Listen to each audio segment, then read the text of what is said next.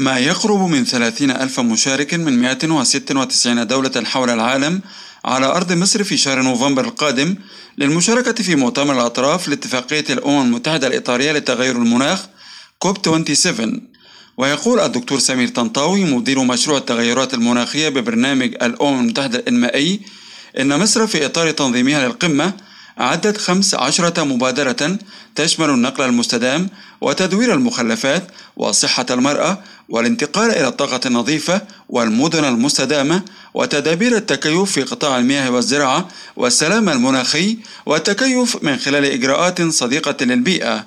ويمضي الدكتور سمير طنطاوي قائلا استضافة المؤتمر تعتبر دعاية كبيرة جدا لمصر على المستوى الدولي وبتضع برضو مسؤولية على الحكومة المصرية في التنظيم بشكل مناسب وأنظار العالم كله بترتكز على الدولة أو المدينة اللي بتستضيف هذا المؤتمر. طبعا في هوم ورك أو في عمل كبير وواجبات كبيرة هتقوم بها الحكومة ممثله في وزارة البيئة طبعا بالتنسيق مع كافة الجهات المعنية ومحافظة جنوب سيناء والحكومة بشكل كامل ومنظمات المجتمع المدني. وفي موضوع كان يهم الدول النامية لكن لم يتم تحقيق نتائج فيه اللي هو موضوع الخسائر والأضرار. طبعا شفنا كان في مشكلة في أسوان مثلا لأول مرة في أسوان ثلج وينزل عواصف. مثل هذه الأحداث هي أحداث مناخية جامحة. ويجب أن الدولة أو المدينة التي تتضرر أن تعوض. وفي آلية في إطار المفاوضات اسمها لوس اند دامج أو الخسائر والاضرار المفروض إن المدن أو الدول التي تتعرض لاضرار يتم تعويضها عن الخسائر في الممتلكات الشخصية وفي البنية التحتية وخلافه. دوره شرم الشيخ فيها موضوعات اللي هي الموضوعات التي لم يتم التوصل إلى اتفاق فيها في دورة جلاسكو هتحال إلى دورة شرم الشيخ وتسير الاستراتيجية الوطنية لتغير المناخ في مصر لعام 2050 في خطين متوازيين هما تقليل الانبعاثات باستخدام وسائل حديثة في كافة القطاعات والتكيف مع التغيرات المناخية المحتملة في الزراعة والموارد المائية والمناطق الساحلية والصحة. وفي محافظة أسوان جنوب مصر واستعدادا لقمة المناخ أطلقت المحافظة مبادرة عنوانها أسوان خالية من الكربون. ويقول محافظ أسوان اللواء أشرف عطية إن مناقشة استراتيجية التغير المناخي للمحافظة تأتي متواكبة مع الدور الحيوي الذي تقوم به مصر برئاسة الدورة القادمة للقمة العالمية للمناخ كوب 27 بشرم الشيخ ومضى محافظ أسوان قائلا مناقشة استراتيجية التغير المناخي لمحافظة أسوان بالتنسيق مع الجهات التنفيذية بالمحافظة بما يصب في صالح المواطن الأسواني وهو ما يأتي إدراكا من الاستراتيجية الوطنية لتغير المناخ 2050 كما يبدد ذلك اهتمام السيد الرئيس عبد الفتاح السيسي بقضية التغير المناخي. حيث شرع سيادته لقمة منتدى الاقتصاديات الكبرى حول الطاقة وتغير المناخ استنادا إلى الدور الذي تقوم به مصر في هذا المجال. المهندسة ليديا عليوة مدير عام التكنولوجيا وبحوث تغير المناخ بوزارة البيئة تقول إن الاستراتيجية الوطنية تخدم قمة المناخ بشرم الشيخ لكونها تدعو للم شمل المجتمع المدني والحكومة للاستدامة في العمل المناخي محليا وإقليميا ودوليا.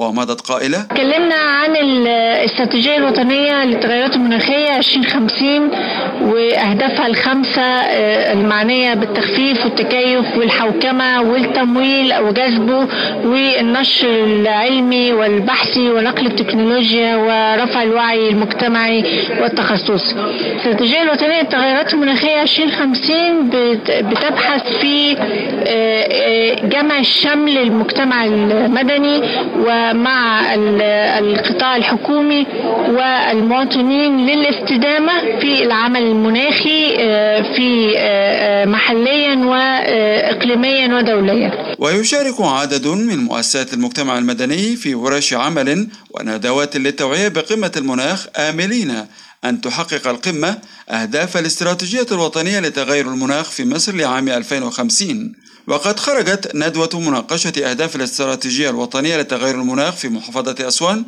بعدة أهداف تستعرضها الدكتورة حنان الجندي مدير عام مؤسسة أم حبيبة الخيرية. أهم التوصيات أولا إن إحنا نهتم بالتنوع البيولوجي في محافظة أسوان. نمرة واحد. نمرة اتنين نشوف ما المدن أو المناطق الموجودة في أسوان اللي نقدر نكون فيها آه، مدن ذكية مناخيا زي ما بتقول زي ما بنقول عليها. آه، نمرة ثلاثة إنه يكون في ترشيد للاستهلاك بشكل عام. آه، نمرة أربعة نشوف إيه هي المبادرات البيئية المتخصصة نركز عليها. أسوان فيها تنوع وثراء كبير جدا وبالتالي ده لازم ينعكس على الاستراتيجية اللي إحنا بنحطها. ويختص الهدف الخامس من أهداف الاستراتيجية الوطنية لتغير المناخ بإدارة المعرفة والوعي بمكافحة تغير المناخ وتسهيل نشر المعلومات المتعلقة بهذا الموضوع وإدارة المعرفة بين المؤسسات الحكومية والمواطنين وزيادة الوعي بشأن تغير المناخ بين مختلف أصحاب المصلحة واستعدادا لقيمة المناخ ينفذ الفرع الإقليمي لجهاز شؤون البيئة بمحافظة البحر الأحمر بالتعاون مع عدد من الوزارات والهيئات المعنية. ينفذ ندوات للتوعية بعنوان البيئة والاستدامة كما يقول الأستاذ ماهر محمد رشوان مدير عام جهاز شؤون البيئة بمحافظة البحر الأحمر. نشاط النهاردة من ضمن الأنشطة اللي بيقوم بها جهاز شؤون البيئة بالتنسيق مع الجهات المعنية والجهات الخدمية الموجودة في المحافظة. آه، بناء على توجيهات السيدة الدكتورة ياسمين فؤاد وزيرة البيئة بزيادة الوعي البيئي ونشر الوعي والتعريف الناس بالمؤتمر كاب 27 اللي هو مؤتمر تغير المناخ المزمع عقده في شرم الشيخ آه، خلال السنة دي. آه، النشاط كان تعريف التغيرات المناخية وأسبابها والتأثيرات السلبية للتغيرات المناخ على الزراعة وعلى البيئة. كان معنا زملاء محاضرين من وزارة مديرية الزراعة ومع نشر البيئة وال مديريه الدكتور التنمر الاجتماعي برضه مشاركين معنا الجمعيات الأهلية. الفئات المستهدفه كان النهارده وحده المرأة شغالين مع الزملاء في التضامن الاجتماعي على إدارة وحده المرأة والمحاضرين من من السيدات الفضلات اللي ليهم نشاط مرتبط بالبيئة والزراعة. في سلسلة من الورش حتى بداية المؤتمر. تمثل استضافه مصر لقمة المناخ كوب 27 بشرم الشيخ في نوفمبر القادم. تمثل فرصة كبيرة لتعزيز العمل المناخي الدولي وتوحيد مطالب الدول الأفريقية والدول النامية فيما يتعلق بقضايا التمويل والتكيف مع آثار تغير المناخ. خالد عبد الوهاب لأخبار الأمم المتحدة.